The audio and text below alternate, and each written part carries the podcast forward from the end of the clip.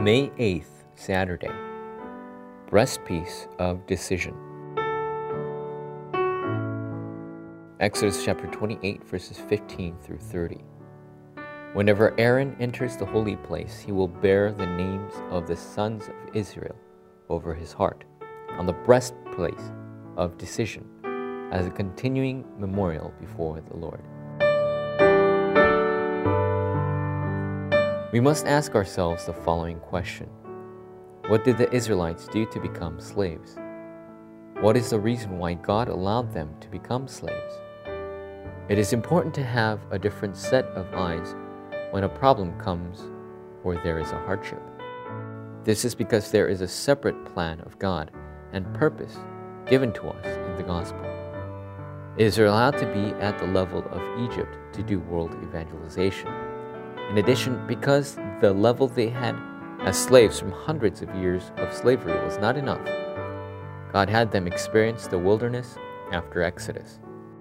In that wilderness, God had them build the tabernacle, prevented them from putting out the light in the tabernacle, and had them change into the clothes of priests.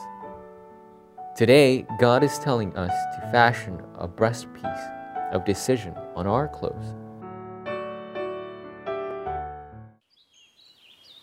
Number one, breastpiece of decision. God said to fashion a breastpiece of decision on the garments of the priests. The twelve names and the twelve jewels of Israel were embedded in the breastpiece. This refers to the commission of the priest in which they engraved the twelve tribes, that is to say, all the people of God in their hearts they went before God with that path and prayer topic in their hearts.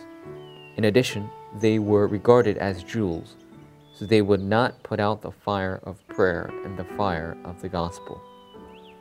The high priests and priests were able to discover something very important in the message of not putting out the fire. God placed the Urim light and Thummim completeness in the breastpiece to be used as an instrument to judge the various problems of the Israelites. This is the law by which they saw problems through the insight God gave them and received the guidance of God. This can be compared with the breastplate of righteousness that Paul talks about. Because we who have received salvation have received the blessing of the royal priesthood through Christ, we must apply this word to ourselves.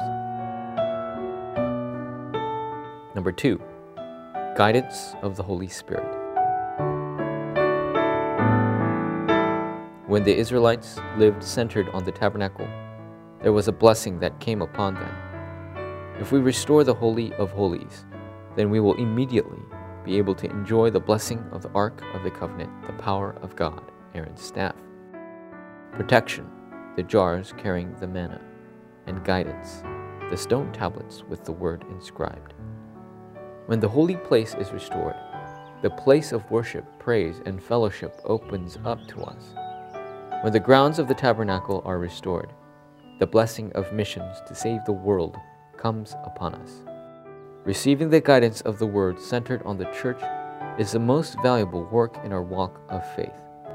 If we restore Christ, who is the true light, the darkness flees, and the Holy Spirit of God comes upon that place. We need a separate strength because the land of Canaan must still be conquered. There are still problems to overcome, and a future that will be fulfilled awaits us. Receiving the guidance of the Holy Spirit in the gospel is the greatest strength in our walk of faith. Forum topic What breastpiece is affixed to your heart? How did, the, how did you meditate upon and apply today's word to your life. How are you receiving the guidance of the Holy Spirit centered on the church and unity?